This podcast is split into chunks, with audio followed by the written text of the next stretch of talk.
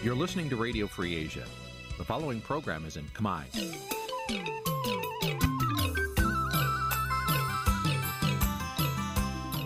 នេះជាកម្មវិធីផ្សាយ Vuthu Azizi Serai នេះជាកម្មវិធីផ្សាយរបស់ Vuthu Azizi Serai ជាភាសាខ្មែរ Vuthu Azizi Serai សូមស្វាគមន៍លោកអ្នកនាងទាំងអស់ពីរដ្ឋធានី Washington នៃសហរដ្ឋអាមេរិក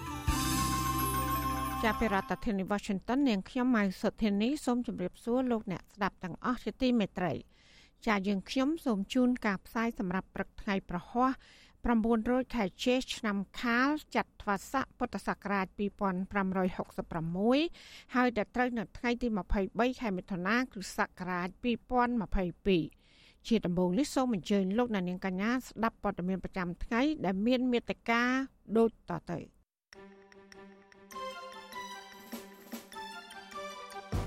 អង្គការសហប្រជាជាតិបន្តបារម្ភពីការរដ្ឋបិទសិទ្ធិបរដ្ឋនិងសេរីភាពរបស់អង្គការសង្គមស៊ីវិលក្រសួងការងារប្រាជ័យជាថ្មីទៀតក្នុងការដោះស្រាយវិវាទការងារនៅក្រុមហ៊ុនបនលបែង Nagavel អនុប្រធានគណៈបកភ្លើងទៀនលោកសុនឆៃថាលោកនឹងវិលទៅកម្ពុជាវិញក្នុងពេលឆាប់ឆាប់ទោះជាជាប់បណ្ដឹងក៏ដោយ អ្នកខ្លំមើលការបោះឆ្នោតជាតិនិងអន្តរជាតិថាការបោះឆ្នោតឃុំសង្កាត់កន្លងទៅនេះគឺធ្វើឲ្យតែល្អមើលរួមនឹងព័ត៌មានសំខាន់សំខាន់មួយចំនួនទៀតជាបន្តទៅទៀតនេះនាងខ្ញុំម៉ៃសុធានីសូមជូនព័ត៌មានទាំងនោះពឺស្ដាប់ លោកដានៀងជាទីមេត្រីក្រុមរដ្ឋមន្ត្រីការពារជាតិអាស៊ានអនុម័តឯកសារសំខាន់សំខាន់ចំនួន4នៅឯកិច្ចប្រជុំរដ្ឋមន្ត្រីការពារជាតិអាស៊ានឬហៅកាត់ថា ADMM លើកទី16ដែលកម្ពុជារៀបចំធ្វើជាម្ចាស់ផ្ទះកាលពីថ្ងៃទី22ខែមិថុនាម្សិលមិញទីភ្នាក់ងារសារព័ត៌មានកម្ពុជា AKP រាយការណ៍ដឹងថាឯកសារសំខាន់សំខាន់ទាំង4នោះ ដែលត្រូវបានក្រុមរដ្ឋមន្ត្រីការពារជាតិអាស៊ានអនុម័តនេះគឺពាក់ព័ន្ធនឹងការលើកកម្ពស់កិច្ចសហប្រតិបត្តិការកងទ័ពបណ្ដាប្រទេសអាស៊ាន ក្នុងការទប់ស្កាត់ជំងឺរាតត្បាតឆ្លងដែនការលើកកម្ពស់យន្តការគ្រប់គ្រងស្ត្រីរក្សាសន្តិភាពអាស៊ាន ការបង្កើតកិច្ចសហប្រតិបត្តិការស្ថាប័នអប់រំយោធាអាស៊ាន និងឯកសារចក្ខុវិស័យស្តីពីទូនីតិស្ថាប័នការពារជាតិអាស៊ាន ក្នុងការគ្រប់គ្រងការស្ដារឡើងវិញក្រោយពីវិបត្តិជំងឺ Covid-19 ប្រពន្ធដដែលឲ្យដឹងថាក្រុមមេដឹកនាំអាស៊ាន ក៏បានពិភាក្សាលើឯកសារដើម្បីលើកកម្ពស់ការចែកចាយព័ត៌មាន លើការពង្រឹងការអនុវត្តច្បាប់ពាក់ព័ន្ធនឹងសន្តិសុខលំហសមុទ្រនៅក្នុងតំបន់អាស៊ីអាគ្នេយ៍និងការត្រៀមរៀបចំកិច្ចប្រជុំរដ្ឋមន្ត្រីការពារជាតិអាស៊ាន ជាមួយដៃគូសន្តិនិករួមមានរដ្ឋមន្ត្រីការពារជាតិនៃប្រទេសមហាអំណាច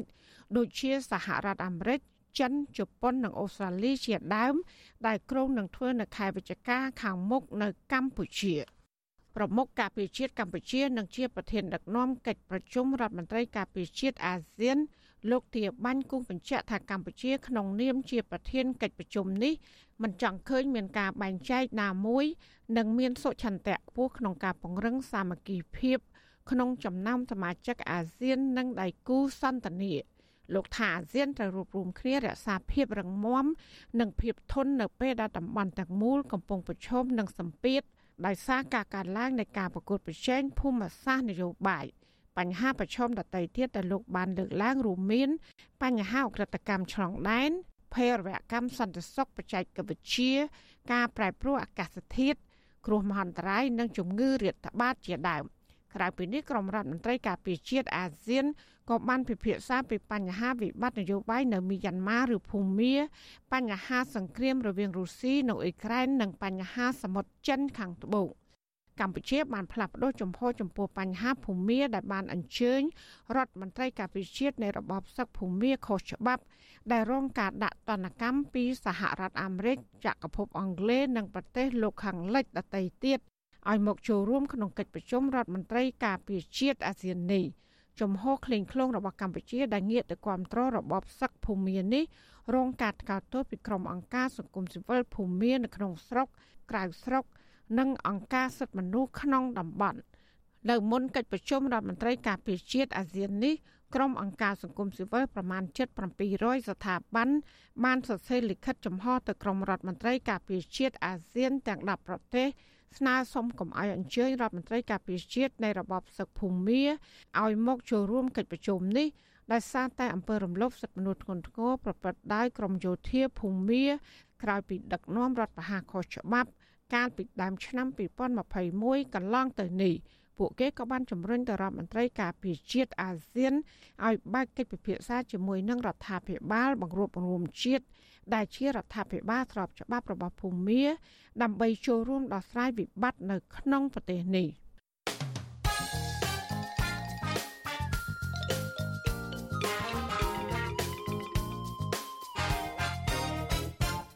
លោកនានីជាទីមេត្រីក្រសួងការងារបរាជ័យថ្មីទៀត ក្នុងការសម្របសម្រួលដោះស្រាយវិវាទការងារនៅក្រុមហ៊ុនបនលបែង Nagaworld សេចក្តីជូនដំណឹងរបស់ក្រសួងការងារនិងបណ្ដុះបណ្ដាវិជ្ជាជីវៈស្ដីពីការជួបចរចារកដំណោះស្រាយការពីល្ងាចថ្ងៃទី22ខែមិថុនាម្សិលមិញបានបញ្ជាក់ថាភាគីទាំងសងខាងបានត្រឹមតែពិភាក្សាគ្នាយ៉ាងផុសផុលក៏ប៉ុន្តែនៅមិនអាចឈានដល់ចំណុចព្រមព្រៀងគ្នានៅឡើយប្រពន្ធដដែលបញ្ជាក់ថាភាគីទាំងពីរបានណាត់ជួបគ្នាជាថ្មីទៀត នៅថ្ងៃពុធទី6ខែកក្កដាហើយក្រសួងកាងាររំពឹងថាភាគីទាំងពីរនឹងមានឱកាសពិចារណាឡើងវិញអំពីលទ្ធភាព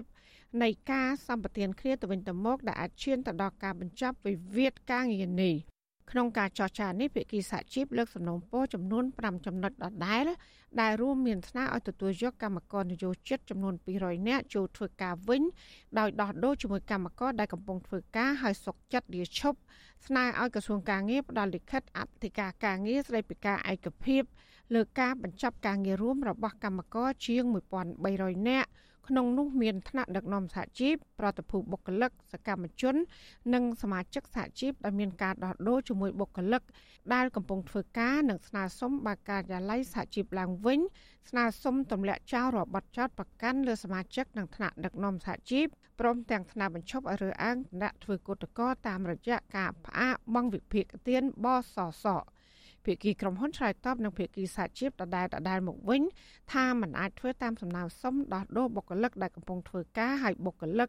ដែលត្រូវកាត់ឈ្មោះបានឡើយចំណែកឯការស្នើសុំបន្តបង់វិភាគទានបសសក៏ក្រុមហ៊ុនមិនអាចធ្វើបានដែរព្រោះថាអ្នកធ្វើកតកម្មមិនមានធ្វើការគឺគ្មានចំណូលស្របពេលការចរចានេះអាជ្ញាធររាជធានីភ្នំពេញ នៅតែបន្តរារាំងក្រុមគុតកោនាការវើជិត100នាក់មិនឲ្យឈរតវ៉ានិងលើកបាត់ដា នៅក្បែរអាគារក្រុមហ៊ុនចាលោកនាងជាទីមេត្រីក្រោយទៅពីការស្ដាប់ការផ្សាយរបស់វិទ្យុអសីស្រីតាមបណ្ដាញសង្គម Facebook និង YouTube លោកដានៀងកញ្ញាក៏អាចស្ដាប់ការផ្សាយរបស់យើង តាមរយៈរលក ធាតុអាកាសខ្លីឬ short wave ដូចតទៅ ចាប់ពីព្រឹកចាប់ពីម៉ោង5កន្លះដល់ម៉ោង6កន្លះ គឺតាមរយៈរលកធាតុអាកាសខ្លី12140 kHz ស្មើនឹងកម្ពស់ 25m និង13715 kHz ស្មើនឹងកម្ពស់ 22m ចាសម្រាប់ពេលយប់វិញគឺចាប់ពីម៉ោង7កន្លះដល់ម៉ោង8កន្លះគឺតាមរយៈរលកធាតុអាកាសខ្លី9960 kHz ស្មើនឹងកម្ពស់ 30m 12140 kHz ស្មើនឹងកម្ពស់ 25m ហើយនឹង11885 kHz ស្មើនឹងកម្ពស់ 25m ចាសសូមអរគុណចាលោកនានីជាទីមេត្រីអង្គការសហប្រជាជាតិប្រចាំកម្ពុជា នៅតែបន្តលើកឡើងនូវក្តីកង្វល់អំពីស្ថានភាពនៃការធ្លាក់ចុះលទ្ធិប្រជាធិបតេយ្យជាពិសេសគឺការរដ្ឋបិទសិទ្ធិជាមូលដ្ឋានរបស់ប្រជាពលរដ្ឋនិងសេរីភាព របស់អង្គការសង្គមស៊ីវិលមិនឲ្យចូលរួមក្នុងការអភិវឌ្ឍប្រទេសប្រកបដោយចីរភាពនៅទន្ទឹមគ្នានេះមន្ត្រីអង្គការសង្គមស៊ីវិលក៏បានលើកឡើងថាត្រីភាពបញ្ចេញមតិរបស់ពលរដ្ឋនិងសកម្មភាពការងាររបស់អង្គការក្រៅរដ្ឋាភិបាលមួយចំនួនក៏ត្រូវបានអាជ្ញាធរតាមយាយីនាពេលកន្លងមកនេះដែរក៏ប៉ុន្តែមន្ត្រីសិទ្ធិមនុស្សរបស់រដ្ឋាភិបាល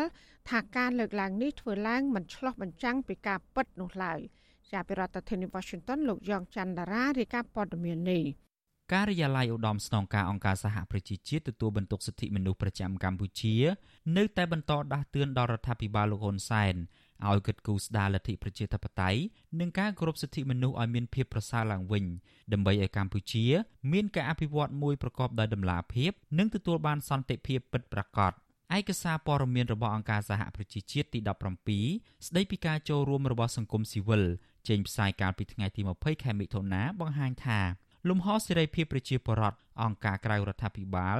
ឬការចងក្រងសមាគមក្នុងការលើកស្ទួយសិទ្ធិមនុស្សគឺជាគន្លឹះនៃលទ្ធិប្រជាធិបតេយ្យដើម្បីសម្រេចបានគោលដៅក្នុងការអភិវឌ្ឍប្រកបដោយចីរភាពក្រៅពីនេះសង្គមស៊ីវិលនៅកម្ពុជាមានការចូលរួមក្នុងការផ្តល់សេវាជាច្រើនដូចជាលើវិស័យអភិវឌ្ឍមនុស្សធម៌ការលើកកម្ពស់អភិបាលកិច្ចល្អ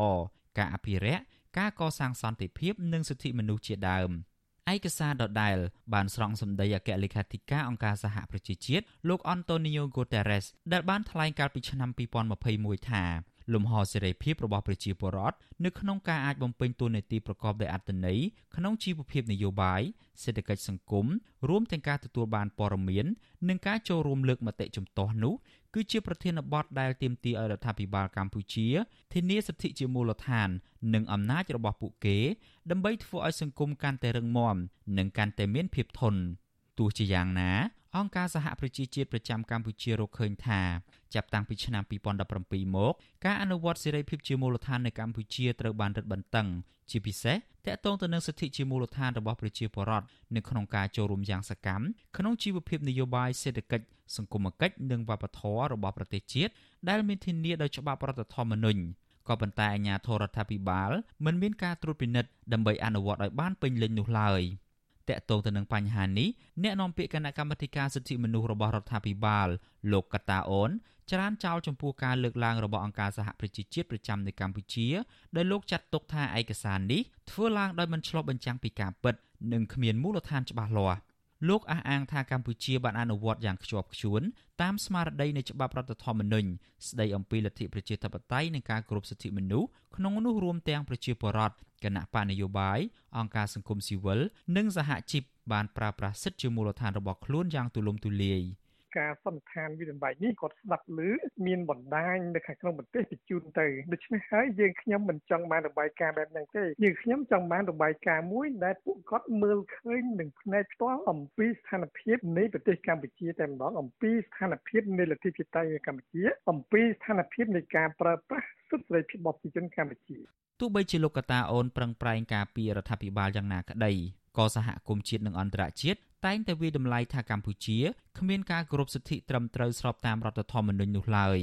រដ្ឋាភិបាលលោកហ៊ុនសែនបានរងនឹងការរិះគន់ជាបន្តបន្ទាប់តាក់ទងទៅនឹងការដាក់ចេញនៅចំណាត់ការបង្ក្រាបយ៉ាងទៀងទាត់និងមានលក្ខណៈជាប្រព័ន្ធទៅលើក្រុមសកម្មជនគណៈបកប្រឆាំងសកម្មជនសង្គមមន្ត្រីសង្គមស៊ីវិលប្រជាពលរដ្ឋនិងការបង្ក្រាបស្ថាប័នព័ត៌មានដែលមិនចំណុះជាមួយនឹងរដ្ឋាភិបាលជាដើម។ ជាក់ស្ដែងក្នុងឆ្នាំ2017គណៈបកសង្គ្រោះជាតិដែលគេមើលឃើញថាកំពុងមានសន្ទុះអ្នកគ្រប់គ្រងខ្លាំងក្លាត្រូវបានរដ្ឋាភិបាលលោកហ៊ុនសែនកែប្រែច្បាប់ដើម្បីមានលេសរំលាយគណៈបកនេះព្រមទាំងចាប់ខ្លួនមេដឹកនាំនិងសកម្មជនបកប្រឆាំងដាក់ពន្ធនាគារឥតឈប់ឈរក្រៅពីនេះព្រឹត្តិការណ៍ដែលកំពុងកើតឡើងនាពេលបច្ចុប្បន្នគឺអាញាធរនៃរដ្ឋាភិបាលឯកបកបានបន្តបង្ក្រាបលើកោតក្រ Nagawal កាន់តែខ្លាំងខណៈពួកគេបានប្រើសិទ្ធិស្របច្បាប់ដើម្បីចេញធ្វើកោតកម្មដោយសន្តិវិធី ទាមទាររោគយុត្តិធម៌និងសិទ្ធិសេរីភាពការងារពីសំណាក់ថៅកែការិយាល័យឧត្តមស្នងការសិទ្ធិមនុស្សអង្គការសហប្រជាជាតិប្រចាំនៅកម្ពុជាគូបញ្ជាក់ថាកន្លងមកកម្ពុជាបានស្ម័គ្រចិត្តបដិញ្ញានៅក្នុងការធានាឲ្យមានសេរីភាពសម្រាប់ប្រជាពលរដ្ឋ ដោយអនុញ្ញាតឲ្យមន្ត្រីអង្គការសង្គមស៊ីវិលអ្នកការពារសិទ្ធិមនុស្សនិងអ្នកសារព័ត៌មានអាចធ្វើការបានដោយសេរីនិងអាចបញ្ចេញមតិទាំងនៅក្រៅប្រព័ន្ធនិងនៅលើប្រព័ន្ធអនឡាញដោយមិនមានការភ័យខ្លាចទទួលរងការបៀតបៀនឬការសងសឹកនិងមិនធ្វើការចាប់ប្រកាន់ទោសដោយសារតែការអនុវត្តសិទ្ធិជាមូលដ្ឋានរបស់ពួកគេនោះឡើយជុំវិញរឿងនេះនាយកទទួលបន្ទុកកិច្ចការទូតនៃអង្គការសិទ្ធិមនុស្សលីកាដូលោកអំសំអាត មានប្រសាសន៍ថា លំហសេរីភាពជាមូលដ្ឋានរបស់ប្រជាពលរដ្ឋនិងអង្គការសង្គមស៊ីវិលបានរងការរឹតបន្តឹងក្រោយពីមានការរំលាយគណៈបកសង្គ្រោះជាតិកាលពីឆ្នាំ2017មកលើសពីនេះលោកថាមន្ត្រីអង្គការសង្គមស៊ីវិលផ្នែកសិទ្ធិមនុស្សមួយចំនួនក៏រងការគំរាមកំហែងនិងការតាមយាយីបំផិតបំភ័យពីសំណាក់អាជ្ញាធរដែរនៅពេលដែលពួកគាត់ចុះបំពេញការងារ ន្លងមកយើងឃើញហើយថាអ្នកការពារសិទ្ធិមនុស្សដូចជាសកម្មជនការពារបរិស្ថាន សកម្មជនការងារ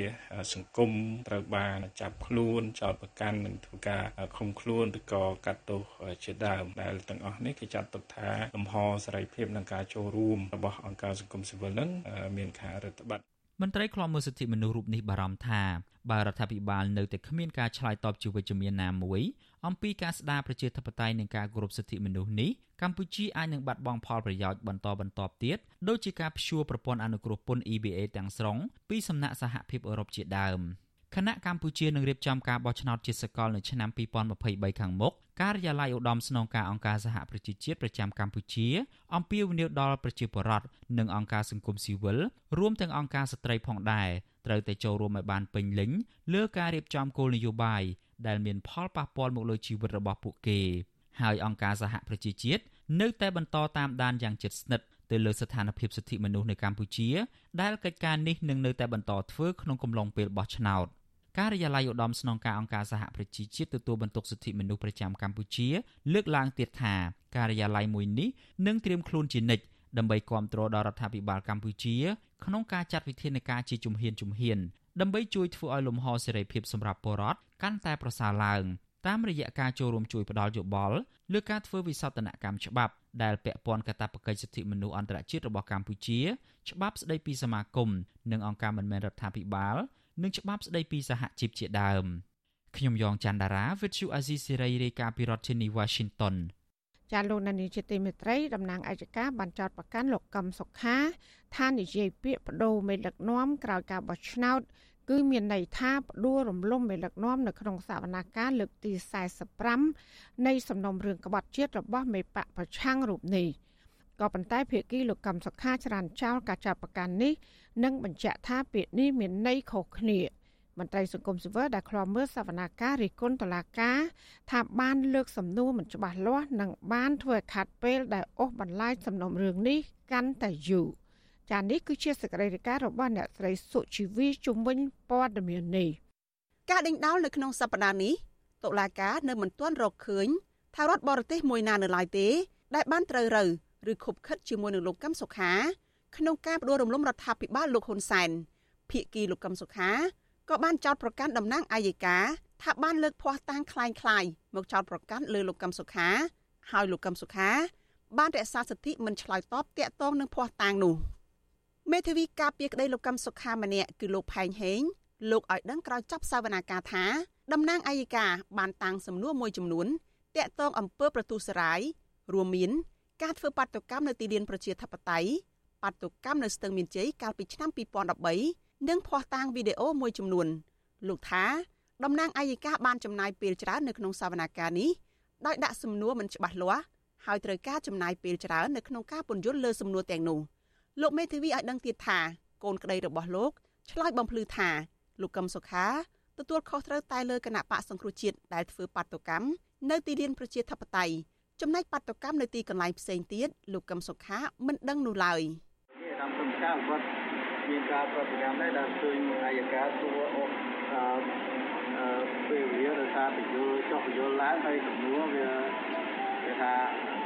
ចំនួនតិចប៉ុន្តែការពយល់វាច្រើនបាទ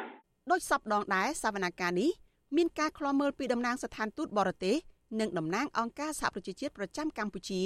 តំណាងអង្គការសង្គមស៊ីវិលក្នុងស្រុកនិងអ្នកសារព័ត៌មានផងដែរចំណែកនៅខាងក្រៅរបងតុលាការ អ្នកគាំទ្រលោកកឹមសុខាប្រមាណ100នាក់បានផ្ដល់កម្លាំងចិត្តដល់លោកកឹមសុខាដោយឡែកសមត្ថកិច្ចបានបន្តរឹតបន្តឹងសន្តិសុខតឹងតែងជាងរាល់ដង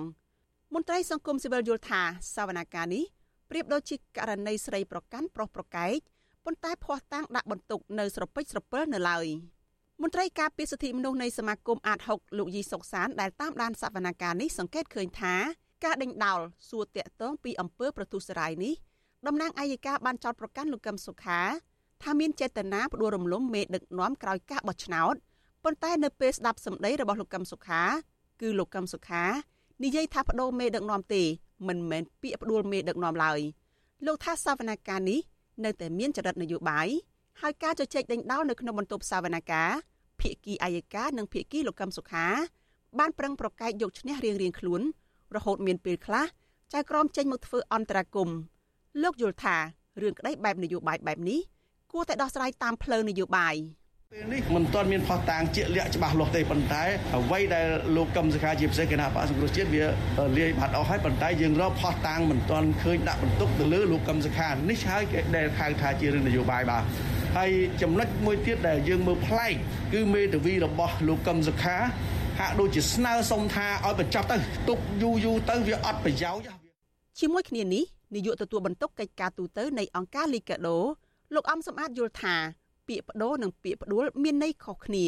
លោកបន្តថាបើផ្អែកតាមភ័ស្តុតាងដែលលើកឡើងនៅក្នុងសវនកម្មបញ្ជាក់ថាពាក្យថាបដូររបស់លោកកឹមសុខាគឺជាការផ្លាស់ប្ដូរដោយសន្តិវិធី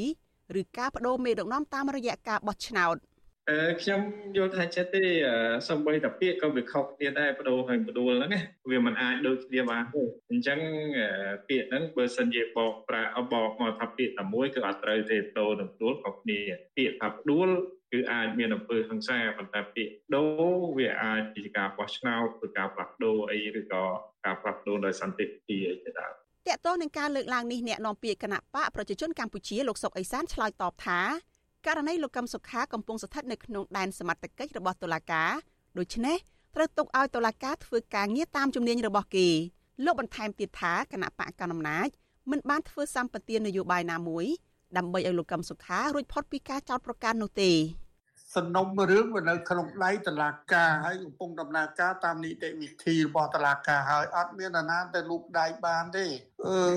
មានតែអ្នកវិភាគទេដែលចេះតែថាទៅគ្រូទាយនឹងចេះតែថាទៅទោះទាយម្ដងឆ្វេងម្ដងស្ដាំម្ដងឆ្វេងម្ដងស្ដាំមេធាវីការពារក្តីឲ្យលោកកឹមសុខាជំរុញទៅតុលាការឲ្យឆាប់បញ្ចប់សំណុំរឿងនេះឲ្យបានឆាប់ដោយអាចទម្លាក់បទចោទឬចរចាតាមផ្លូវនយោបាយដើម្បីទុកពេលឲ្យលោកកឹមសុខា មានពេលធ្វើនយោបាយតែទោះជាយ៉ាងណាតុលាការនឹងបន្តសវនកម្មសំណុំរឿងលោកកឹមសុខា នៅថ្ងៃទី29ខែមិថុនាសប្តាហ៍ក្រោយទៀត នាងខ្ញុំសុជីវីវិទ្យុអាស៊ីសេរីពីរដ្ឋធានី Washington អាស៊ីសេរីលោកណានៀងជាទីមេត្រីលោកសុនឆៃអនុប្រធានគណៈបកភ្លើងទៀនអះអាងថាលោកមិនកិច្ចវេះពីតឡាការដែលគណៈបកប្រជាជនកម្ពុជា បានប្តឹងលោករិគុណលទ្ធផលបោះឆ្នោតនោះឡើយលោកសុនឆៃបញ្ជាក់ថាអ្វីដែលលោកបាននិយាយអំពីភាពមិនប្រក្រតីនៃការបោះឆ្នោតគឺ ជាការពិតទោះជាត្រូវស្បត់ក៏លោកហ៊ានដែរចាលោកទីនហ្សាការីយ៉ាមានសេចក្តីរាយការណ៍ព័ត៌មាននេះអនុប្រធានគណៈបកភ្លើងទៀនលោកសុនឆៃអះអាងថាលោកនឹងវិលទៅកម្ពុជាវិញក្នុងពេលឆាប់ៗនេះដើម្បីតតាំងរឿងក្តីនៅក្នុងតុលាការលោកសុនឆៃឲ្យវិទ្យុអាស៊ីសេរីដឹងកាលពីរាត្រីថ្ងៃទី22មិថុនាថាលោកមិនបានកិច្ចវេះពីតុលាការដែលគណៈបកប្រជាជនកម្ពុជាបានប្តឹងលោកនោះទេលោកអះអាងថាលោកបានចេញទៅប្រទេសអូស្ត្រាលីកាលពីថ្ងៃទី11មិថុនា គឺមុនពេលលោកកិច្ចតិចតំណាងឲ្យគណៈបកកាន់អំណាចដាក់ពាក្យប្តឹងលោករយៈពេល3ថ្ងៃលោកអះអាងថាលោកនឹងវិលទៅកម្ពុជាវិញក្នុងពេលឆាប់ៗនេះសូមបញ្ជាក់ជូនដែរថាខ្ញុំបានសម្រេចរួចហើយក្នុងការវិលត្រឡប់ទៅវិញខ្ញុំបានទិញសម្បត្តិយន្តហោះហើយ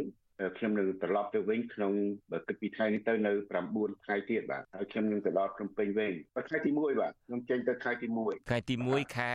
កក្កដាបាទ ដោយមានការងារត្រូវធ្វើមួយចំនួនគណៈបកប្រជាជនកម្ពុជាបានដាក់ពាក្យប្តឹងអនុប្រធានគណៈបកភ្លឹងទៀនគឺលោកសុនឆៃកាលពីថ្ងៃទី14មិថុនា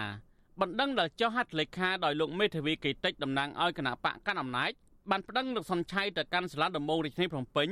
ដោយទាមទារឲ្យតុលាការផ្តន្ទាទោសតាមបញ្ញត្តិច្បាប់ទាមទារឲ្យលោកសុនឆៃបង់ប្រាក់សំណងជំងឺចិត្តចំនួន1លានដុល្លារឬស្មើនឹង4000លានរៀលដល់គណៈបកកាន់អំណាច បណ្ដឹងរបស់គណៈបកប្រជាជនកម្ពុជារបស់លោកហ៊ុនសែននេះក្រោយពេលគណៈបកមួយចំនួន ជាពិសេសគណៈបកភ្លើងទៀនរិះគន់ថាដំណើរការបោះឆ្នោតមិនមានភាពសេរីត្រឹមត្រូវយុត្តិធម៌និងមានលក្ខណៈអាក្រក់ជាងអាណត្តិមុនមុនទាំងអស់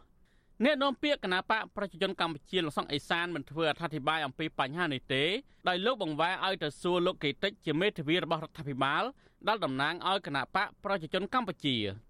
វិទ្យុអាស៊ីសេរីមិនអាចតាក់ទងលោកកេតិច ដើម្បីសួរបន្ថែមអំពីការដាក់ពាក្យប្តឹងលោកសុនឆៃនេះបានទេកាលពីថ្ងៃទី22មិថុនាបន្ថែមពីលើបណ្ដឹងរបស់គណៈបកប្រជាជនកម្ពុជានេះគណៈកម្មាធិការជាតិរៀបចំការបោះឆ្នោតកោជបកាលពីថ្ងៃទី17មិថុនាក៏បានដាក់ពាក្យប្តឹងលោកសុនឆៃដាច់ដライមួយទៀតដែរពាក្យបណ្ដឹងរបស់កោជបចោទលោកសុនឆៃថា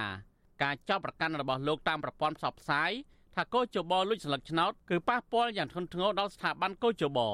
នៅក្នុងពាក្យប្តឹងរបស់កោជបនោះអះអាងថាបំពេញភារកិច្ចការងារដោយឯករាជ្យនិងអព្យាក្រឹតដើម្បីធានាឲ្យការបោះឆ្នោតប្រព្រឹត្តទៅដោយសេរីត្រឹមត្រូវនិងយុត្តិធម៌ស្របតាមគោលការណ៍នៃលទ្ធិប្រជាធិបតេយ្យសេរីពហុបកពាក្យបណ្ដឹងរបស់តំណាងកោជបបានស្នើឲ្យទី1ផ្ដន្ទាទោសឈ្មោះសនឆៃពីបទបរិហាកេជាសាធារណៈតាមបញ្ញត្តិមាត្រា305នៃក្រមប្រវត្តិទី2ឲ្យឈ្មោះសនឆៃធ្វើលិខិតសំទោសកោជបជាលាលិអសរ និងផ្សព្វផ្សាយជាសាធារណៈកាលពីពេលថ្មីថ្មីនេះលោកនាយរដ្ឋមន្ត្រីហ៊ុនសែនបានប្រកាសបបួលស្បត់ចំពោះអ្នកដែលចោទថាការបោះឆ្នោតមិនត្រឹមត្រូវហើយថាគណៈបកកណ្ដាលអំណាចលួចស្លឹកឆ្នោតនោះលោកសុនឆៃបានថ្លែងជាសាធារណៈនិងតាមប្រព័ន្ធផ្សព្វផ្សាយក្រោយពីបោះឆ្នោតឃុំសង្កាត់កាលពីដើមខែមិថុនាថាការតស៊ូរបស់គណៈបកភ្លើងទៀនគឺដើម្បីបង្រួបបង្រួមជាតិសាជាថ្មីលោកបន្តថារយៈពេលជាង5ឆ្នាំកន្លងមកនេះប្រជាពលរដ្ឋជួបការលំបាកច្រើន និងស្ថិតក្រោមអំណាចបកតែមួយនិងមានការដឹកនាំប្រទេសដោយមានសភាឯកបកគឺគណៈបកប្រជាជនកម្ពុជារបស់លោកហ៊ុនសែនលោកសុនឆៃអះអាងថាអ្វីដែលលោកបានលើកឡើងនេះជាការពិតទោះជាត្រូវស្បត់ក៏លោកហ៊ានដែរហើយប្រទេសយើងយើងឃើញហើយសប្តាហ៍គឺអំណាចរបស់ថ្នាក់ដឹកនាំនេះគឺគ្របដណ្ដប់រាល់ស្ថាប័នទាំងអស់មានសល់អីទេហើយប្រកាយមិនបានទេហើយបើសិនណាជាតាមនាយករដ្ឋមន្ត្រីលោកបបួលស្បត់ខ្ញុំក៏ហ៊ានស្បត់ដែរ ខ្ញុំសូមចិត្តស្បត់បើថាមិនពិតដូចជាអ្វីដែលខ្ញុំនិយាយពីព្រោះរឿងនេះមិនអាចលាក់បាំងបានទេតើតើនឹងបញ្ហានេះអ្នកខ្លំមើលការបោះឆ្នោតលើកឡើងថាគណៈបកប្រជាជនកម្ពុជាប្តឹងលោកសុនឆៃទៅតុលាការទាមទារឲ្យដាក់ទោសលោកបែបនេះនឹងធ្វើឲ្យប៉ះពាល់ដល់រចនាសម្ព័ន្ធគណៈបកភ្លើងទៀននាយកប្រតិបត្តិអង្គការសម្ព័ន្ធភាពការពារសិទ្ធិមនុស្សកម្ពុជាហៅកាត់ថាច្រាក់លោករស់សុថាមានប្រសាសន៍ថាគណៈបកកណ្ដាលអំណាចប្តឹងលោកសុនឆៃនេះ ជារឿងចង់បំបាក់ដៃគូប្រកួតនៅមុនពេលបោះឆ្នោតសកលឆ្នាំ2023ខាងមុខលោកបន្ថែមថាលោកសុនឆៃជាថ្នាក់ដឹកនាំដ៏សំខាន់មួយរបស់គណៈបកភ្លើងទៀនប្រសិនបើតុលាការដាក់ទោសលោកតាមបណ្ដឹងរបស់គណៈបកកណ្ដាលអំណាចមនុស្សនឹងធ្វើឲ្យប៉ះពាល់យ៉ាងខ្លាំងដល់រចនាសម្ព័ន្ធគណៈបកភ្លើងទៀនមិនថាគណៈបកណាគណៈបកណាណាបើឃើញដៃគូរបស់ខ្លួនមួយបាត់បង់ទៅនឹងអណាប៉ុន្តែយើងមិននិយាយដល់ប៉ុណ្ណឹងពេកទេខ្លាចកុំឲ្យថាយើងចេះតែចោតគេទៀតណាប៉ុន្តែបកពលរចនាសម្ព័ន្ធហ្នឹងគឺថា យើងឃើញថាគណៈគណៈបកគ្រឿងទៀនហ្នឹងគឺដែលមនុស្សដែលរឹងមាំមនុស្សដែលជាបរដ្ឋខ្មែរស្គាល់ច្រើនគឺលោកសុនឆៃដូច្នេះការពីរបស់ខ្ញុំគឺថាការបាត់បង់លោកសុនឆៃមួយវាជាការបាត់បង់ធំទៅលើប្រសិទ្ធភាពនៃការងាររបស់គណៈបកបាទចាប់តាំងពីមានការរំលាយគណៈបកសង្គ្រោះជាតិកាលពីឆ្នាំ2017មកសមាជិកដឹកនាំកោជបភាគច្រើនសឹកសឹងតែចេញមកពីមន្ត្រីជួរមុខនៃគណៈបកកណ្ដាលអំណាច លោកគីតិចចោតលោកសុនឆៃដែលរិះគន់ពីដំណើរការបោះឆ្នោតជ្រើសរើសសមាជិកក្រុមប្រឹក្សាឃុំសង្កាត់កន្លងទៅនេះថាជាអំពើទុច្ចរិតបំភ្លៃខុសការពិតផ្ដាល់ព័ត៌មានคล้ายคล้ายទម្លាក់កំហុសទៅលើគណៈបកកណ្ដាលអំណាចជាដើមទោះច្បាប់នេះក្តីសហគមន៍ជាតិអន្តរជាតិមើលឃើញថាស្ថាប័នកោជបដែលជាអ្នកកាត់សេចក្តីអំពីការបោះឆ្នោតនោះស្ថិតនៅក្រោមការគ្រប់គ្រងរបស់បកតែមួយគឺគណៈបកកណ្ដាលអំណាចរបស់លោកហ៊ុនសែនដែលធ្វើឲ្យស្ថាប័ននេះទទួលរងការរិះគន់ថា ជាស្ថាប័នមិនឯករាជ្យឡើយខ្ញុំទីនសាការីយ៉ាអស៊ីសេរី ប្រធានីវ៉ាស៊ីនតោន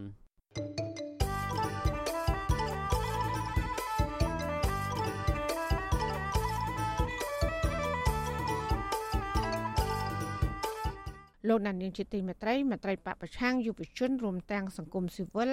រិះគន់នឹងចាត់ទុកការចាប់ខ្លួនមេឃុំជាប់ឆ្នោតមកពីគណៈបកភ្លើងទៀននៅខេត្តកំពង់ធំ គឺជាការគំរាមកំហែងនិងបំផ្លាញពន្លកប្រជាធិបតេយ្យបើទោះបីជាតឡាការដោះលែងឲ្យលោកញឹមសារំនៅក្រៅឃុំក៏ដោយពួកគេបារម្ភថាទង្វើរបស់តឡាការនិងបកកណ្ដាលអំណាចកំពុងធ្វើឲ្យនីតិរដ្ឋនៅកម្ពុជាដើរថយក្រោយ។ ចាលោកសេកបណ្ឌិតរាយការណ៍ព័ត៌មាននេះសមត្ថកិច្ចខេត្តកំពង់ធំ បានដោះលែងមេឃុំជាប់ឆ្នោតគណៈបកភ្លើងទៀននៅឃុំចំណាលើ លោកយឹមសារំ នៅរសៀលថ្ងៃទី22ខែមិថុនាក្រោយការចាប់ខ្លួនតាមដីកាបង្គាប់របស់ចៅក្រមស៊ើបសួរសាលាដំបងខេត្តកំពង់ធំ លោកស៊ិនវណ្ណៈប៉ុន្តែទោះបីមានការដោះលែងបែបនេះក្តី ក៏មន្ត្រីគណៈបកប្រឆាំងនិងយុវជន នៅតែបន្តរិះគន់ទៅលើការចាប់ខ្លួនលោកយឹមសារ៉ុមដែលជាមេឃុំទើបជាប់ឆ្នោតថាជារឿងអយុត្តិធម៌និងជាការបំផ្លាញលទ្ធិប្រជាធិបតេយ្យនៅកម្ពុជាមេធាវីការពារក្តីលោកយឹមសារ៉ុមគឺលោកសំសកុងថ្លែងថាសមត្ថកិច្ចបានដោះលែងលោកយឹមសារ៉ុមមកវិញហើយនៅរសៀលថ្ងៃទី22ខែមិថុនាលោកបញ្ជាក់ថាការដោះលែងនេះ គ្រាន់តែតុលាការឲ្យនៅក្រៅឃុំបណ្ដោះអាសន្នប៉ុណ្ណោះលោកថាករណីនេះបានកើតឡើងតាំងពីឆ្នាំ2002ពោលគឺ20ឆ្នាំមុន លោកមេធាវីសំសកុងបានបញ្យល់ថាបើគិតតាមច្បាប់ គឺបានផុតកំណត់អាញាយុការួចទៅហើយចំណែកករណីផ្សេងទៀតគឺលោកយឹមសារំបានដោះស្រាយដាច់ស្រេចជាមួយនឹងដើមម្ដងហើយក៏មិនបានរត់ចោលស្រុកនោះទេ លោកបន្តថាតាមក្រមនីតិវិធីព្រហ្មទណ្ឌ លោកយឹមសារំមានសិទ្ធិពឹងពាក់មេធាវីឲ្យតុលាការជំនុំជម្រះសាលក្រមកំបាំងមុខនេះឡើងវិញ។ ក្នុងរឿងនេះបើយើងមើលតាក់ទងនឹងការដោះលែងនេះគឺគាត់មកឲ្យជានៅក្រៅឃុំទេដោយសាររឿងនេះវាពាក់ព័ន្ធនឹងសារក្រមអញ្ចឹងគេអាចនឹងទុកសិទ្ធឲ្យគាត់ដឹងចំទាស់នឹងសារក្រមកំបាំងមុខតាមពិតគាត់នៅនៅមូលដ្ឋានតាំងពីយូរនេះដល់រហូតដល់មានការបចូលរួមបោះឆ្នោតចូលពីបេក្ខជនហើយឈ្នះឆ្នោតទៀតហេតុអីបានជាសារក្រមនោះទៅជាសារក្រមកំបាំងមុខអញ្ចឹងខ្ញុំគិតថានៅពេលដែលគាត់មិនទៅកិច្ចវេទនាហើយជាសារក្រមកំបាំងមុខបើនិយាយពីផ្លូវច្បាប់គឺជារឿងមួយខុសពីពីច្បាប់ខុសច្បាប់តែម្ដងក្រមប្រឹក្សាឃុំចំដាលើស្រុកសន្ទុកលោកណូតសុខឹមឲ្យដឹងថាការចាប់ខ្លួនលោកយឹមសរមជារឿងមិនសមហេតុសមផលនិងឆ្លុះបញ្ចាំងពីការគម្រិតកំហែងអ្នកគាំទ្រលទ្ធិប្រជាធិបតេយ្យនៅកម្ពុជាលោកបន្តថាទង្វើរបស់អាញាធរកាន់តែធ្វើឲ្យប្រជាពលរដ្ឋមានការមិនសប្បាយចិត្តនិងកាន់តែស្អប់ការគ្រប់គ្រងបែបផ្ដាច់ការនៅក្នុងប្រទេសដែលមានត្រឹមតែឈ្មោះថាកាន់លទ្ធិប្រជាធិបតេយ្យបែបនេះ។ ទីចង់ការចាប់ខ្លួននៅភាពគម្រាមកំហែងឲ្យអ្នកដែលឆ្លៃលទ្ធិប្រជាធិបតេយ្យឬក៏គ្រប់គ្រងគណៈបកប្រឆាំងហ្នឹងមានការភ័យខ្លាចគេដោះស្រាយរឿងរួចរាល់ហើយដល់ពេលមកចាប់ខ្លួនគាត់នៅឆ្នាំ2022ហ្នឹងវាដូចជាហើយខ្ញុំមិនមិនមិនឆ្លុះបញ្ចាំងពីទស្សនវិជ្ជាច្បាប់ទៅវាច្បាប់វាអាចទៅរួចអញ្ចឹងទេបើវាយូរដល់ទៅ20ឆ្នាំហើយគាត់មិនដែលទៅណាសោះមកមិនកោះហៅគាត់ លោកយឹមសារំជាមេឃុំជាប់ឆ្នោតមួយរូបក្នុងចំណោមបេក្ខជន4រូបនៃគណៈបកភ្លើងទៀនដែលជាប់ឆ្នោតជាមេឃុំចំណាលើស្រុកសន្ទុកខេត្តកំពង់ធំ ក្នុងការបោះឆ្នោតជ្រើសរើសក្រុមប្រឹក្សាឃុំសង្កាត់អាណត្តិទី5នេះលោកត្រូវបានអាជ្ញាធរចាប់ខ្លួនកាលពីរសៀលថ្ងៃទី21មិថុនានៅពេលដែលលោកកំពុងតែបម្រើការងារនៅក្នុងសាលាឃុំពីបទប្លន់កាលពី20ឆ្នាំមុន។ ប៉ុន្តែបើតាមមេធាវីការពីក្តីគឺលោកសំសកុងប្រាប់បទសុអសីស្រីឲ្យដឹងថាលោកយឹមសារំត្រូវបានតុលាការខេត្តកំពង់ធំដោះលែងឲ្យនៅក្រៅឃុំនិងបន្តនីតិវិធីនៅក្នុងរឿងនេះដដែលវត្តសុអសីសេរីនៅពុំទាន់អាចសុំការបំភ្លឺបន្ថែមជុំវិញរឿងនេះពីអ្នកនាំពាក្យសាលាដំបងខេត្តកំពង់ធំគឺលោកវ៉ាន់សេងបាននៅឡើយទេ កាលពីថ្ងៃទី22មិថុនា នាយករងទទួលបន្ទុកកម្មវិធីឃ្លាំមើលនៃអង្គការលីកាដូលោកអំសម្បត្តិមានប្រសាសន៍ថាការចាប់ខ្លួនមន្ត្រីគណៈបកភ្លើងទៀនរូបនេះគឺជាការរើសអើងនិន្នាការនយោបាយនិងជាការគំរាមកំហែងដល់បេក្ខជនឈរឈ្មោះរតីទៀតលោកបន្តថាបើអាញាធរនៅតែបន្តសកម្មភាពចាប់ឃុំខ្លួនគំរាមកំហែងបេក្ខជនគណៈបកប្រឆាំងនោះនឹងទទួលបានការរិះគន់កាន់តែធ្ងន់ធ្ងរពីប្រជាពលរដ្ឋនិងអ្នកនយោបាយផ្សេងទៀត។ អញ្ចឹងសរុបមកជាឃើញថាព្រឹត្តិការណ៍ក្រោយការបោះឆ្នោតក្រុមប្រឹក្សាឃុំសង្កាត់នេះគឺយើងមានការព្រួយបារម្ភខ្លាំងទាក់ទងនឹងបរិយាកាសនយោបាយហើយឆ្ពោះទៅរកការបោះឆ្នោតជាតិឆ្នាំ2023ខាងមុខទៀតណាបើសិនជាព្រឹត្តិការណ៍នេះនៅតែកើតបន្តនឹងនាំឲ្យមានការរិះគន់បន្ថែមទៀតទាក់ទងនឹងបញ្ហាការគោរពសិទ្ធិមនុស្សនិងលទ្ធិប្រជាធិបតេយ្យនៅកម្ពុជាយើងអាចនឹងថាបោះជំហានថយក្រោយបន្តណា ក្រោយពីបញ្ចប់ការបោះឆ្នោតជ្រើសរើសក្រុមប្រឹក្សាឃុំសង្កាត់កន្លងមកគេនៅតែឃើញមានការធ្វើទុកបុកម្នេញទៅលើសកម្មជនមន្ត្រីគណៈបកប្រឆាំងជាហោហែជាពិសេសគឺគណៈបកភ្លើងទៀនដែលទទួលបានប្រជាប្រិយភាពខ្លាំងក្នុងចំណោមគណៈបកផ្សេងផ្សេងទៀតការធ្វើទុកបុកម្នេញទាំងនោះរួមមានការចាប់ខ្លួនក្រោមហេតុផលមិនសមរម្យការគំរាមកំហែងនិងការលុបឈ្មោះចេញពីក្របខ័ណ្ឌរដ្ឋជាដើមទន្ទឹមគ្នានេះអង្គការសង្គមស៊ីវិលអ្នកវិភាគ និងប្រជាពលរដ្ឋក៏កំពុងមានការព្រួយបារម្ភថាលទ្ធិប្រជាធិបតេយ្យនៅកម្ពុជា កំពុងត្រូវបានក្តិចបំផ្លាញដែលនឹងធ្វើឲ្យកម្ពុជាធ្លាក់ចូលទៅក្នុងរបបផ្ដាច់ការនិយមគ្រប់គ្រងដោយមនុស្សមួយក្តាប់តូចខ្ញុំបាទសេកបណ្ឌិតវិទ្យុអាស៊ីសេរីពីរដ្ឋធានីវ៉ាស៊ីនតោន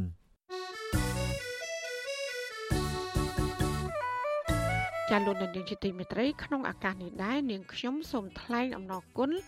ដល់លោកនាងកញ្ញាដែលតែងតែមានភក្ដីភាព ចំពោះការផ្សាយរបស់យើង ហើយចាត់ទុកការស្ដាប់វិទ្យុអសីស្រីជាផ្នែកមួយនៃសកម្មភាពប្រចាំថ្ងៃរបស់លោកអ្នកចាការគ្រប់គ្រងរបស់លោកនាងនេះហើយដែលធ្វើយើងខ្ញុំ មានទឹកចិត្តកាន់តែខ្លាំងបន្ថែមទៀតក្នុងការស្វែងរក និងផ្តល់ព័ត៌មាន សម្រាប់ជូនលោកនាង ចាំមានអ្នកស្ដាប់និងអ្នកទស្សនាកាន់តែច្រើនកាន់តែធ្វើឲ្យយើងខ្ញុំមានភាពស្វាហាប់មោះមុតជាបន្តទៀតចាយើងខ្ញុំសូមអរគុណទុកជាមុនហើយក៏សូមអញ្ជើញលោកអ្នកនាងកញ្ញាចូលរួមជំរុញសកម្មភាពផ្តល់ព័ត៌មានរបស់យើងនេះឲ្យកាន់តែបានជោគជ័យបន្ថែមទៀត ចាលោកអ្នកនាងអាចជួយយើងខ្ញុំបានដោយគ្រាន់តែចុចចែករំលែកឬ share ការផ្សាយរបស់យើងខ្ញុំនៅលើបណ្ដាញសង្គម Facebook និង YouTube ទៅកាន់មិត្តភ័ក្តិរបស់លោកអ្នកនាងដើម្បីឲ្យការផ្សាយរបស់យើង បានទៅដល់មនុស្សកាន់តែច្រើនចាសសូមអរគុណលោកអ្នកនាងកញ្ញាកំពុងស្ដាប់ការផ្សាយរបស់វិទ្យុអសីស្រីដែលផ្សាយចេញពីរដ្ឋធានី Washington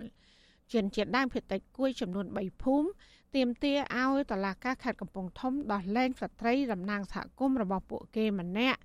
ដែលត្រូវបានតឡាការឃុំខ្លួននៅក្នុងរឿងចំនួនដីធ្លីរវាងក្រុមហ៊ុនឯកជន និងអ្នកភូមិរាប់រយគ្រួសារចាពួកគាត់ចាត់ទុកដំណុំរឿងនេះគឺជាអំពើអយុត្តិធម៌និងគៀបសង្កត់មិនឲ្យតវ៉ាទាមទារដីធ្លីសមូហភាពដែលក្រុមហ៊ុនរំលោភយកចាសសេចក្តីរាយការណ៍ពីស្ដាមពីរឿងនេះលោកនាងក៏នឹងបានស្ដាប់នាពេលបន្តិចទៀតនេះ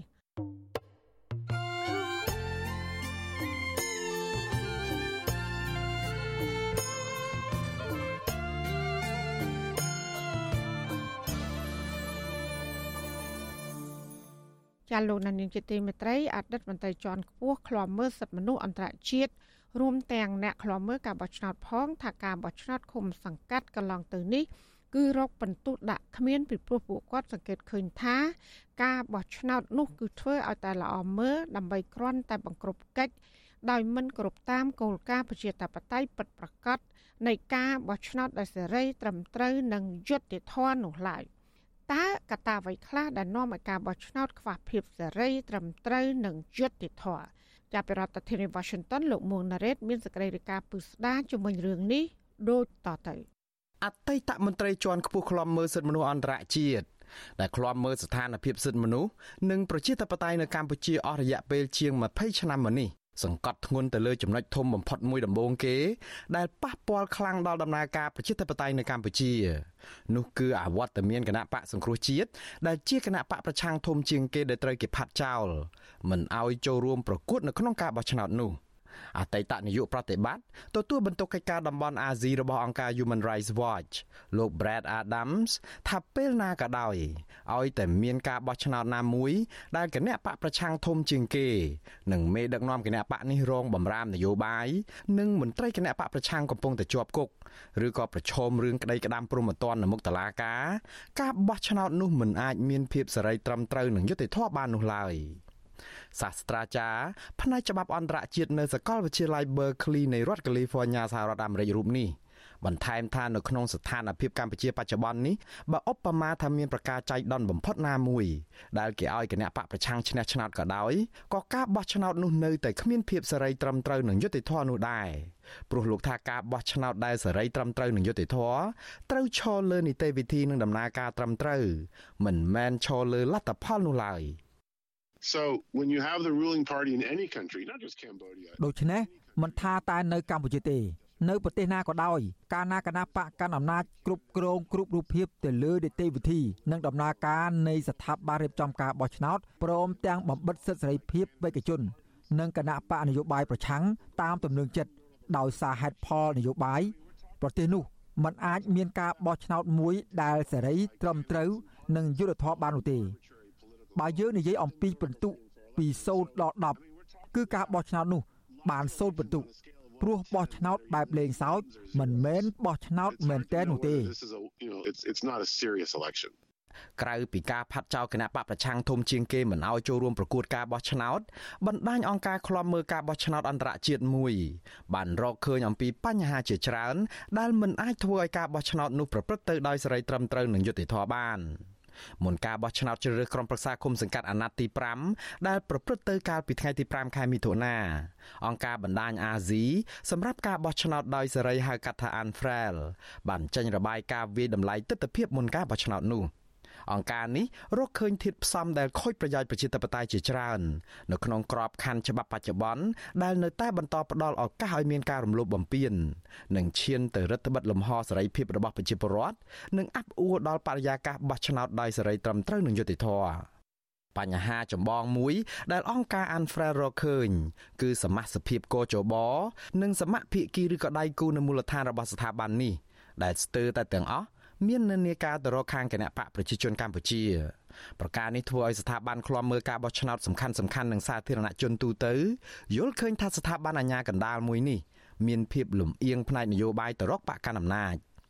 មុនរំលាយគណៈបកសង្គ្រោះជាតិសមាជិកភាពកោជបមានកោតាគណៈបកប្រឆាំងចំនួន4រូបកោតាគណៈបកកណ្ដាលអំណាចចំនួន4រូបនិងមន្ត្រីអង្គការសង្គមស៊ីវិលឯករាជ្យមួយរូប ក៏ប៉ុន្តែក្រោយរំលាយគណៈបកសង្គ្រោះជាតិសមាជិកភាពពីកោតាគណៈបកប្រឆាំងត្រូវបានជំនួសដោយមន្ត្រីដែលមជ្ឈដ្ឋានទូទៅយល់ឃើញថាមាននិន្នាការទៅរកគណៈបកប្រជាជនកម្ពុជាឧទាហរណ៍លោកគួយប៊ុនរឿនត្រូវបានជំនួសដោយលោកនុតសុខុមលោករងឈុនត្រូវបានជំនួសដោយលោកដឹមសវណ្ណរមនិងលោកស្រីតែម៉ានីរងត្រូវជំនួសដោយលោកហែលសារ៉ាត់ជាដើម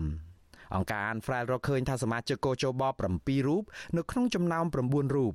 ជាមនុស្សរបស់គណៈបកកណ្ដាលអំណាច ភាពឯករាជ្យរបស់កោជបនេះរឹតតែមានបញ្ហាបន្ថែមទៀតព្រោះក្រោយប្រទេសម្ចាស់ជំនួយនិងសហគមន៍អន្តរជាតិឈប់ផ្ដល់ជំនួយដល់កោជបស្ថាប័ននេះពឹងពាក់ទាំងស្រុងទៅលើថវិកាពីក្រសួងសេដ្ឋកិច្ចនិងហិរញ្ញវត្ថុដែលដឹកនាំដោយគណៈបកប្រជាជនកម្ពុជាប្រការនេះអង្គការ Anfrel ថាគណៈបកកណ្ដាលអំណាចមានអំណាចនិងឥទ្ធិពលលើកិច្ចការរបស់កោជប មិនតែប៉ុណ្ណោះអង្គការ Anfrel រកឃើញទៀតថាការបង្ក្រាបសម្លេងប្រឆាំងអង្គការសង្គមស៊ីវិលសកម្មជននិងប្រព័ន្ធផ្សព្វផ្សាយឯករាជ្យមានភាពខ្លាំងក្លានៅក្នុងរយៈពេលប្រមាណឆ្នាំចុងក្រោយនេះជាងនេះទៅទៀតប្រព័ន្ធផ្សព្វផ្សាយទាំងរដ្ឋនិងឯកជន ស្ថិតក្រោមការគ្រប់គ្រងស្ទើរតែទាំងស្រុងរបស់គណៈបកកណ្ដាលអំណាច ប្រការនេះធ្វើឲ្យគណៈបកនយោបាយដទៃក្រៅពីគណៈបកប្រជាជនកម្ពុជា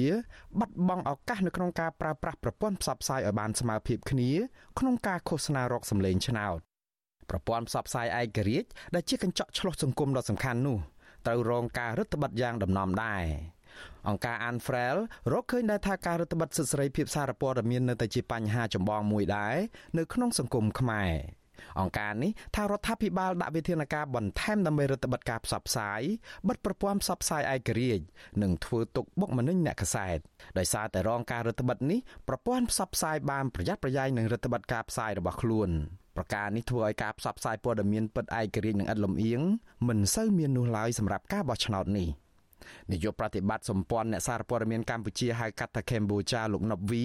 សង្កេតឃើញថាម្ចាស់ប្រព័ន្ធផ្សព្វផ្សាយវិទ្យុនិងទូរទស្សន៍នៅក្នុងស្រុកស្ទើរតែទាំងអស់មាននិន្នាការទៅរកគណៈបកកណ្ដាលអំណាចដែលធ្វើឲ្យរាល់ការផ្សព្វផ្សាយរបស់ខ្លួនលំអៀងទៅខាងគណៈបកប្រជាជនកម្ពុជាឬរដ្ឋាភិបាល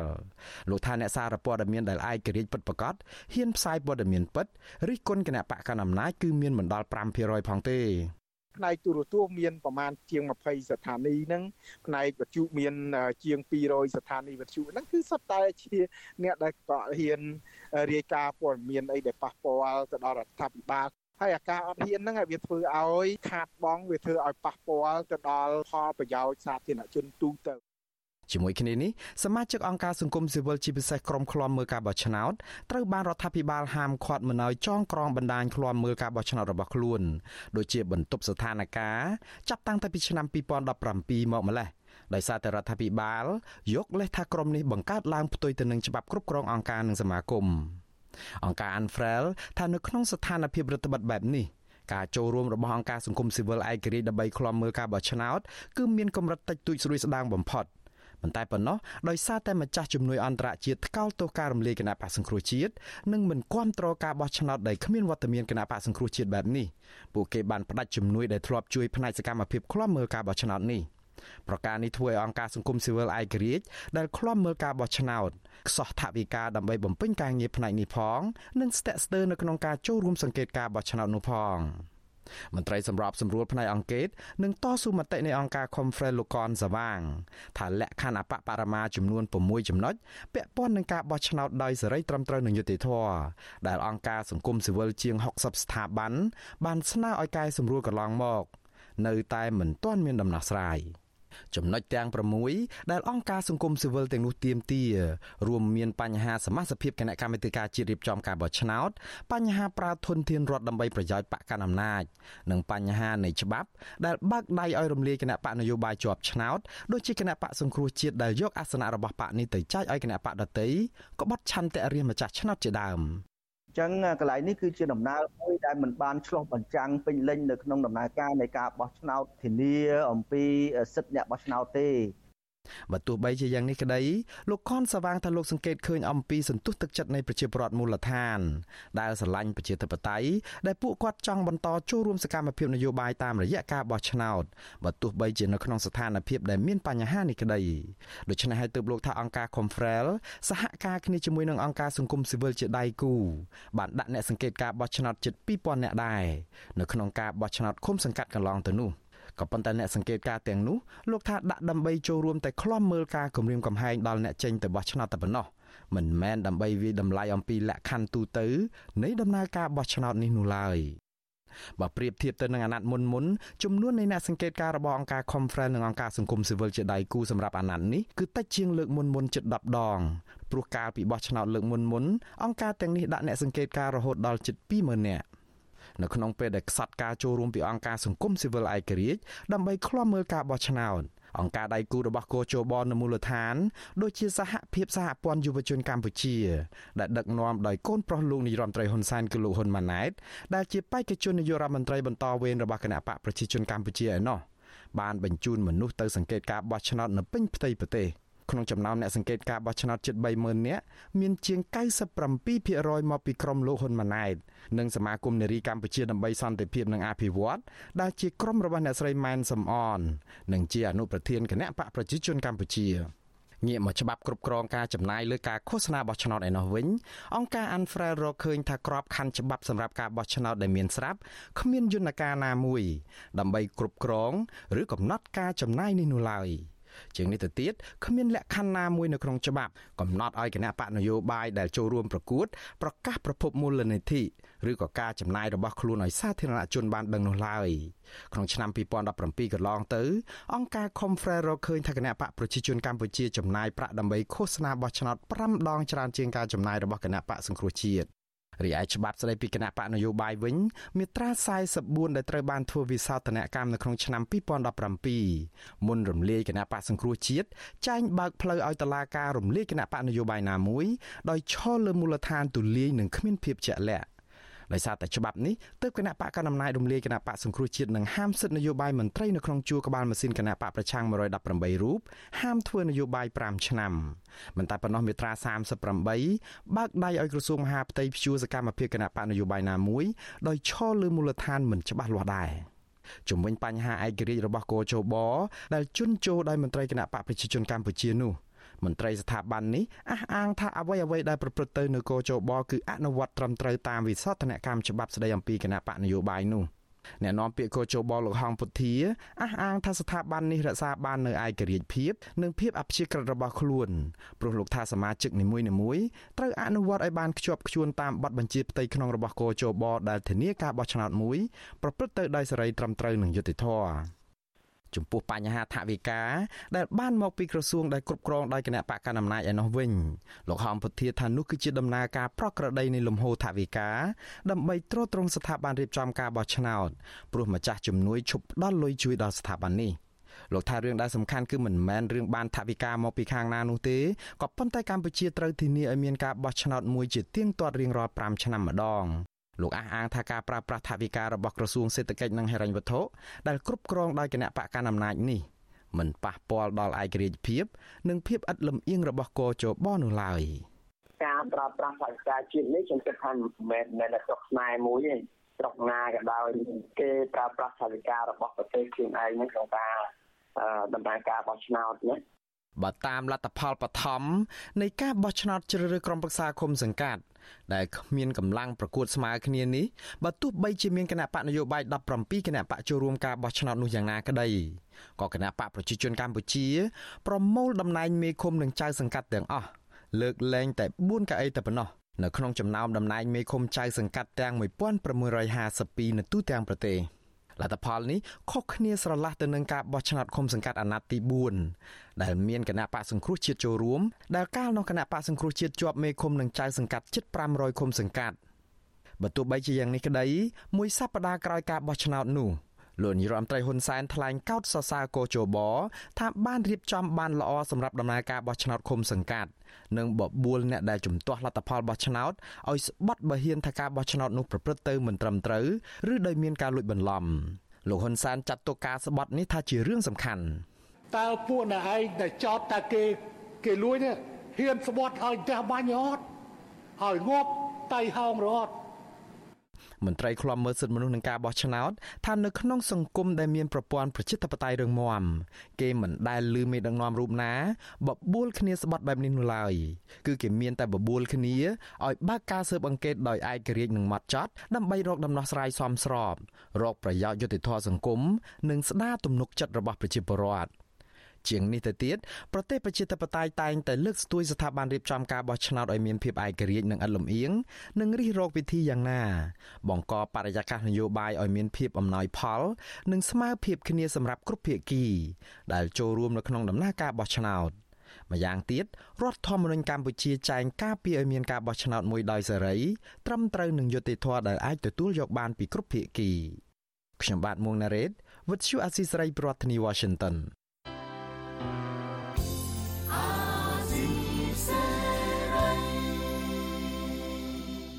ចាលោកណានីជាទីមេត្រីនៅឯខេត្តកំពង់ធំឯនោះវិញជនជាតិដើមភាគតិចគួយចំនួន3ភូមិទាមទារឲ្យតឡាការខេត្តនេះដោះលែងស្ត្រីជាតំណាងសហគមន៍ម្នាក់ដែលត្រូវបានតឡាការឃុំខ្លួនកាលពីសប្តាហ៍មុនក្នុងរឿងចំនួនដីធ្លីរវាងក្រុមហ៊ុនឯកជនមួយនិងអ្នកភូមិរាប់រយគ្រួសារ ពួកគាត់ចាត់ទុកសំណុំរឿងនេះគឺជាអំពើអយុត្តិធម៌និងគៀបសង្កត់ដល់បរដ្ឋមិនឲ្យតវ៉ាទាមទារដីធ្លីសមូហភាពដែលក្រុមហ៊ុនរំលោភយកបរដ្ឋរាប់រយគ្រួសារភៀសច្រើនជាជនជាតិដើមភាគតិចគួយរស់នៅក្នុងភូមិចំនួន3ក្នុងឃុំងនស្រុកសណ្ដាន់កំពុងស្វែងរកកិច្ចអន្តរាគមន៍ទៅស្ថាប័នពាក់ព័ន្ធនិងអង្គការសង្គមស៊ីវិលបំណងទាមទារឲ្យតុលាការខេត្តកំពង់ធំទម្លាក់បទចោទប្រកាន់ លើតំណាងសហគមន៍ជនជាតិដើមភាគតិចគួយម្នាក់គឺលោកស្រីហេងសាផេនអ្នកភូមិថាតឡាការនិងសមត្ថកិច្ចខេត្តកំពង់ធំ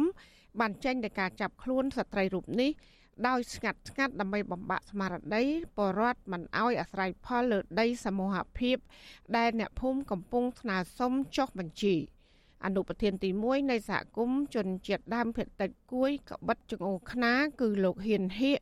ប្រាប់វត្ថុអសីស្រីនៅថ្ងៃទី22ខែមិថុនាថាការពិសប្តាហ៍មុន គឺនៅថ្ងៃទី14ខែមិថុនាសមត្ថកិច្ចបានអញ្ជើញលោកស្រីហេងសុផេនទៅឆ្លៃបំភ្លឺនៅប៉ុស្តិ៍នគរបាលក្នុងរឿងដីធ្លីក៏ប៉ុន្តែសមត្ថកិច្ចទាំងនោះបែរជានាំខ្លួនលោកស្រីទៅទីរួមខេត្តវិញហើយនៅថ្ងៃបន្ទាប់តឡាការក៏បានចេញដោយការឃុំខ្លួនលោកស្រីតែម្ដង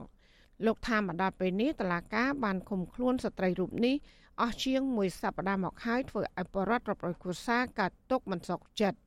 លោកបន្ថែមថាស្ត្រីជនជាតិភៀតតិចគួយរូបនេះមិនបានប្រព្រឹត្តកំហុសដោយការចាប់ប្រកាន់របស់តុលាការនោះឡើយហើយតុលាការក៏គ្មានភ័ស្តុតាងគ្រប់គ្រាន់ដើម្បីដាក់បន្ទុកនោះដែរអយុត្តិធម៌មែនតើដោយសារគាត់ចាប់ហ្នឹងគឺគាត់អត់មានហេតុផលអីថាដំណះតំណាងឯថាដីកន្លែងបណ្ណាហ្នឹងសម្រាប់ថាឲ្យពិតប្រកាសថាអ្នកត្រីហេងសុភេនៅទៅមលូបរបស់ពួកគាត់អញ្ចឹងណា បរតដដែលបន្ថែមថាដីសមូហភាពដែលអ្នកភូមិស្នើសុំចុះបញ្ជីទំហំជាង600ហិកតា គឺជាអាយុជីវិត របស់ប្រជាប្រដ្ឋរាប់រយកុសាដែលកំពុងប្រឈមការរំលោភបំពាន ពីសំណាក់ក្រុមហ៊ុនសម្បត្តិ Platinum លើពីនេះដីព្រៃសមូហភាពនេះមានព្រៃអរិយព្រៃខ្មោចព្រៃបោះនិងព្រៃបំរុងទុក ដែលអ្នកភូមិបានស្នើសុំចុះបញ្ជីដីសមូហភាពទៅក្រសួងដែនដីក្រសួងមហាផ្ទៃនិងក្រសួងអភិវឌ្ឍជនបទ ហើយមកដល់ពេលនេះកំពុងស្ថិតក្នុងដំណើរការនីតិវិធីមិនទាន់រួចរាល់ជាស្ថាពរនៅឡើយទេកាលពីថ្ងៃទី8ខែមិថុនាបរិយាអាញាអមតឡាការខេត្តកំពង់ធំ លោកសិនវរៈបានចេញដីកាបញ្ជូនមួយសន្លឹកផ្ញើជូនស្នងការខេត្តកំពង់ធំបញ្ជាលោកស្រីហេងសុផេនចូលខ្លួនមកស្ថាប័នអាយកាខេត្តកំពង់ធំដើម្បីចាត់វិធានការតាមនីតិវិធី។ អ្នកភូមិអះអាងថាដើមបណ្ដឹងក្នុងសំណុំរឿងនេះគឺតំណាងក្រុមហ៊ុន Chain Pan វិទ្យុអសីស្រីមិនទាន់អាចតតងសុំការបំភ្លឺរឿងនេះបន្ថែម ពីតំណាងក្រុមហ៊ុនសម្បត្តិ Platinum លោកឆេងផាន់បាននៅឡើយទេ នៅថ្ងៃទី22ខែមិថុនាចំណែកអភិបាលខេត្តកំពង់ធំលោកងួនរតនៈនិងអ្នកនាំពាក្យអាយកាអមតឡាការខេត្តកំពង់ធំលោកសាយវាសនា ក៏វិទ្យុអសីស្រីមិនទាន់អាចសុំការបំភ្លឺបានដែរដោយសារតែទូរស័ព្ទហៅចូលច្រើនដង តែគ្មានអ្នកលើកក៏ប៉ុន្តែលោកសាយវាសនាបានប្រាប់សារព័ត៌មាន VOD ថាតឡាកាបានបញ្ជូនលោកស្រីហេងសាផេនទៅឃុំខ្លួនបដាអាសន្នកាលពីថ្ងៃទី14ខែមិថុនាកន្លងទៅ ក្រោមបទចោទប្រាហង្សាទៅលើអ្នកកាន់កាប់អចលនវត្ថុដោយសុចរិត លោកអះអាងថាស្ត្រីរូបនេះបានរំលោភយកដីរបស់ក្រុមហ៊ុនបំពេញច្បាប់ទោះយ៉ាងណាយុវជនជនជាតិដើមភាគតិចគួយខេត្តកំពង់ធំ លោកប៊ុនថនចាត់ទុកសំណុំរឿងនេះគឺជាល្បិចមួលបង្កាច់ដើម្បីបំបាក់ស្មារតីបរដ្ឋតែខំការពារសម្បត្តិរដ្ឋដើម្បីប្រយោជន៍រួមរបស់ជនជាតិដើមភាគតិចគួយ លោកថាស្ត្រីជនជាតិភាគតិចគួយរូបនេះ មានភាពក្លាហានតស៊ូមតិ និងសុឆន្ទៈមុតមមការពារដីធ្លីប្រៃឈើដែលកំពុងប្រឈមការរំលោភបំពានពីសំណាក់ក្រុមហ៊ុនឯកជនជាបន្តបន្ទាប់លោកបន្ថែមថាដីព្រៃសមូហភាពគឺជាអត្តសញ្ញាណនិងវប្បធម៌ប្រពៃណីដូនតាគួយហេតុនេះប្រសិនបបាត់បង់ពួកគាត់នឹងជួបការលំបាកច្រើនផ្នែកជីវភាពជាពិសេសគឺប៉ះពាល់អត្តសញ្ញាណវប្បធម៌ដូនតាគួយ។ ហើយមិនយុទ្ធធម៌ទេសម្រាប់ការចាប់ខ្លួនគាត់ដោយសារដីហ្នឹងសហគមន៍យុជាតិដើមបន្តិចគាត់រស់នៅយូរណាស់ហើយទាំងពី79សហគមន៍គាត់បានអាស្រ័យផលធនធានធម្មជាតិយូរតាមបែបផែនប្រពៃណីហើយវាស្របនឹងច្បាប់ភូមិបាលដែលមានមាត្រា23 28ដែលនិយាយពីពីភាពនៃការគ្រប់គ្រងរបស់ជនជាតិដើមបន្តិចក្នុងការកាន់កាប់ដីធ្លីព្រៃឈើធនធានធម្មជាតិផ្សេងផ្សេងដែលជាជំនឿរបស់ពួកគាត់ផងដែរយើងទទួលបានអាជ្ញាប័ណ្ណមកសម្បទានក្រោយនៅក្នុងឆ្នាំ2012ហើយមកឈូសឆាយប៉ះពាល់ដីពួកគាត់ហើយថាមកដឹងពួកគាត់ទៀតពួកគាត់ជាម្ចាស់ទឹកម្ចាស់ដីឲ្យតែមានព្រៃឈើមានដីធ្លីមានអាយុជីវិតរបស់ជនជាតិដើមបន្តិចហើយរបាយការណ៍របស់ពជាសហគមន៍បង្ហាញថាកាលពីដើមឆ្នាំ2021ក្រុមហ៊ុនសម្បត្តិ Platinum បានបោះបង្គោលរំលោភយកដីសមូហភាពរបស់សហគមន៍និងឈូសឆាយផលដំណាំរបស់អ្នកភូមិអស់ជាច្រើនហិកតា ហើយបរដ្ឋបន្តសុំកិច្ចអន្តរាគមន៍ទៅរដ្ឋមន្ត្រីក្រសួងដែនដីក្រោយមកក្រសួងដែនដីក៏បានចេញលិខិតផ្ញើឲ្យអភិបាលខេត្តកំពង់ធំដោះស្រាយបញ្ហាប្រឈមទាំងនេះ ក៏ប៉ុន្តែពជាសហគមន៍អះអាងថាអាញាធរខេត្តកំពង់ធំគ្មានឆន្ទៈដោះស្រាយបញ្ហាប្រឈមរបស់ប្រជាពលរដ្ឋឲ្យជ្រះស្រឡះនោះទេអស់ជាច្រើនឆ្នាំមកហើយជុំវិញរឿងនេះអ្នកសម្របសម្រួលលេខាធិការដ្ឋានសម្ព័ន្ធជនជាតិដើមភាគតិចកម្ពុជា គឺលោកយុនលរងមើលឃើញថាសំណុំរឿងនេះគ្មានភ័ស្តុតាងបាត់ល្មើសជាក់ស្ដែងណាមួយបង្ហាញពីទោសប្រមទ័ននោះឡើយ ពីព្រោះវាជារឿងចំនួនដីធ្លី រវាងក្រុមហ៊ុនឯកជន និងប្រជាសហគមន៍គួរតែដោះស្រាយដោយការសម្របសម្រួលគ្នាក្រៅប្រព័ន្ធតុលាការលោកថាអង្គការការពិសិដ្ឋជនជាតិដើមភាគតិច កំពុងសិក្សាករណីនេះឲ្យផ្ដល់មេធាវីដើម្បីធ្វើកិច្ចការនេះជាមួយនឹងតំណាងសហគមន៍បំណងស្នើសុំតុលាការឲ្យដោះលែងលោកស្រីហេងសាផេនឲ្យនៅក្រៅឃុំជាបន្ទាន់ សហគមន៍គាត់នឹងសម្រេចយ៉ាងម៉េចព្រោះថារឿងនេះគឺវាជារឿងរួមហើយសមាជិកសហគមន៍ប្រមាណភូមិហ្នឹងគឺគាត់យល់ថាវាជារឿងអយុត្តិធម៌ទាំងអស់គ្នាអញ្ចឹងពួកយើងនឹងចាំមើលហើយយើងនឹងចូលរួមជួយគាត់ទៅតាមជាក់ស្ដែងដែលគាត់ស្នើសុំក្រុមហ៊ុនសម្បត្តិ Platinum ទទួលសិទ្ធិវិនិយោគដី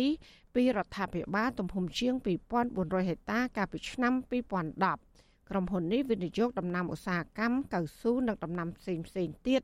ដែលស្ថិតនៅក្នុងដែនជម្រកសត្វព្រៃបឹងពែនៅស្រុកសណ្ដានខេត្តកំពង់ធំ របាយការណ៍អង្កេតរបស់អង្គការជនជាតិដើមភាគតិចកម្ពុជាឲ្យដឹងថាសហគមន៍ជនជាតិដើមភាគតិចគួយក្បិតចង្អូខ្នាបានចុះបញ្ជីទទួលស្គាល់ស្វ័យអត្តសញ្ញាណជនជាតិដើមភាគតិចគួយដោយក្រសួងអភិវឌ្ឍជនបទកាលពីឆ្នាំ2016និងក្រសួងមហាផ្ទៃនៅឆ្នាំ2017ដោយសហគមន៍មានផែនទីបឋមកំណត់ទំហំផ្ទៃដីសមូហភាពច្បាស់លាស់ ពជាសហគមន៍ថាកន្លងទៅ ដីសមូហភាពក្បិតចង្អូខ្នាមានផ្ទៃដី ទំហំជាង1000ហិកតាហើយក្រុមហ៊ុនបានឈូសឆាយអស់រាប់រយហិកតាហើយបច្ចុប្បន្នគឺនៅសល់ដីជាង600ហិកតាប៉ុណ្ណោះដែលពួកគាត់កំពុងការពារ